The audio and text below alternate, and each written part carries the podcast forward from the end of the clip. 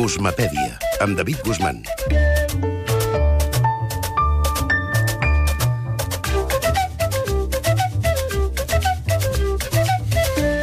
David, què tal? Bona Què nit. tal, Elisa, com estem? Molt bé. Què ens portes avui? Saps que avui tocava aquesta banda, de l'Atlàntic, no? Costa... Ah, sí, sí, sí, i tant, sí, i tant, ja i sabem tant. que aquesta convenció del Premi Cervantes i que s'ha mantingut de fa molts anys, algun any s'ha trencat, però estranyament, no? Es van tenir aquesta alternança entre l'Amèrica Llatina i la península. L'any passat va tocar Helena, Helena Poniatowska, o va, el jurat va decidir que la premiaven, aquest any tocava, per tant, una, una persona de la península, era bastant... No s'acostumen a equivocar les travesses en aquest cas, no és com el Nobel, que és un premi que si deixen caure una dotzena de noms i al final toca qui toca, o en el cas d'altres premis també, no? En aquest cas, eh, això, van assenyalar el nom correcte i jo crec que és molt millor, en aquest cas, per tot el que explica, es presenti ell mateix. Nacido en Barcelona, no me expreso en catalán. Tampoco soy vasco, no obstante mi apellido. Si bien escribo y publico en castellano, no vivo desde hace décadas en la península y me sitúo al margen del escalafón. Por ello, me etiquetaron primero como afrancesado, aunque solo he redactado en francés un puñado de artículos. Ahora me llaman, muy cortésmente, moro, por el hecho de dominar el árabe dialectal de Marruecos y haberme afincado en Marrakech.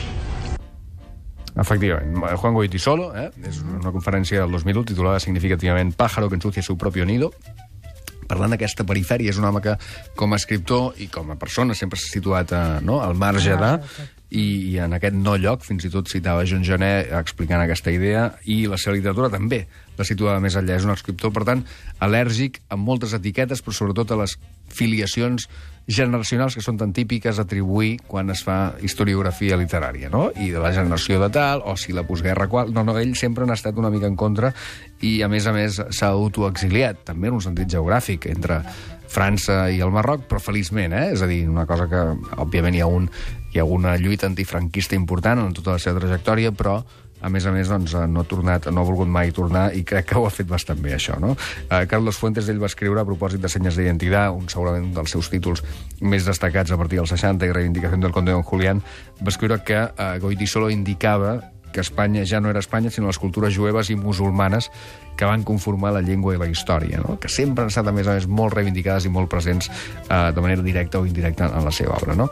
I a més, un, un, un eh, Juan Goitisolo que fa poc ja ha explicat que com a novel·lista pràcticament es considera retirat. Eh? Escriu els últims seus llibres han estat o de poesia o en algun cas d'assaig i té cosetes eh, que podrien conformar una novel·la però que ja veurem, però que en tot cas es considera retirat de la novel·la i que també ha explicat la seva alta retirada, en aquest cas voluntària, com dèiem, del món literari. A mí me interesa enormemente la vida, como, como a todo ser humano, y me interesa la literatura. La, la vida literaria no. Desde hace bastantes años vivo apartado de los centros del poder literario y me encuentro muy cómodo en esta, en esta situación. El exilio a veces es, es considerado un castigo, pero a veces es una bendición. Llega un momento en que el, el exilio es una necesidad ética y, y el ver la mirada de la periferia al centro, como digo, es siempre mucho más interesante que la del centro a la periferia. Per tant, com dèiem, no? és un exili no només voluntari i feliç, sinó que que ha estat molt fèrtil literàriament, no? perquè, per exemple, al marge d'altres títols que et deia Senyors d'Identitat, segurament un dels, meus, eh, dels seus eh, llibres més, més coneguts, val la pena Macbara, que és un, un llibre del 1980 on retrata aquest Marràqueix, que ell coneix també i s'hi va instal·lar eh, i, i, on, i on viu eh, pràcticament tot l'any, no? Juan Goitisolo.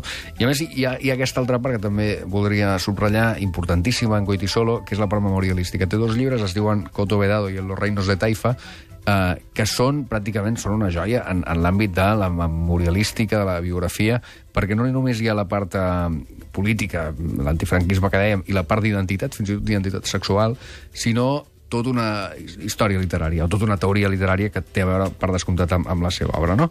I, i també d'aquell discurs, el pájaro que ensucia su propio nido, volia rescatar un altre fragment, unes paraules dedicades, en aquest cas, al que ell considera l'obra ideal. Toda obra nueva debería ser un salto al vacío imprevisible y aleatorio.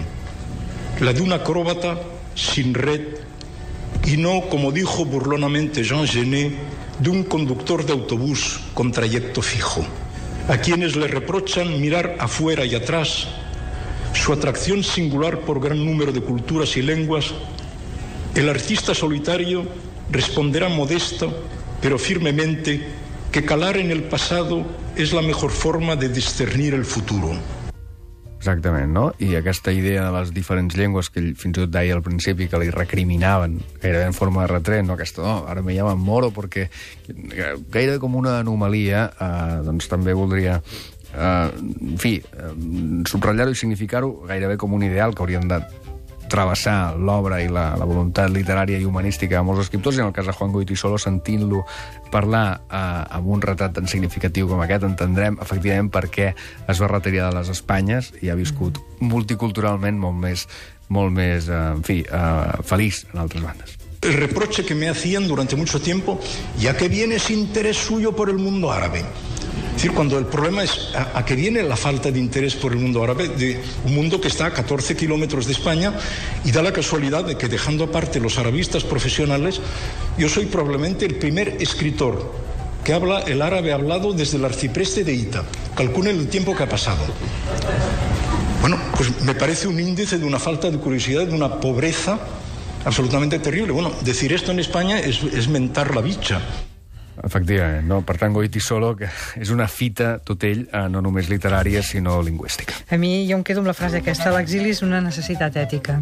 Oh, i tant, i tant. És molt, Gràcies, David, fins ara. Fins ara.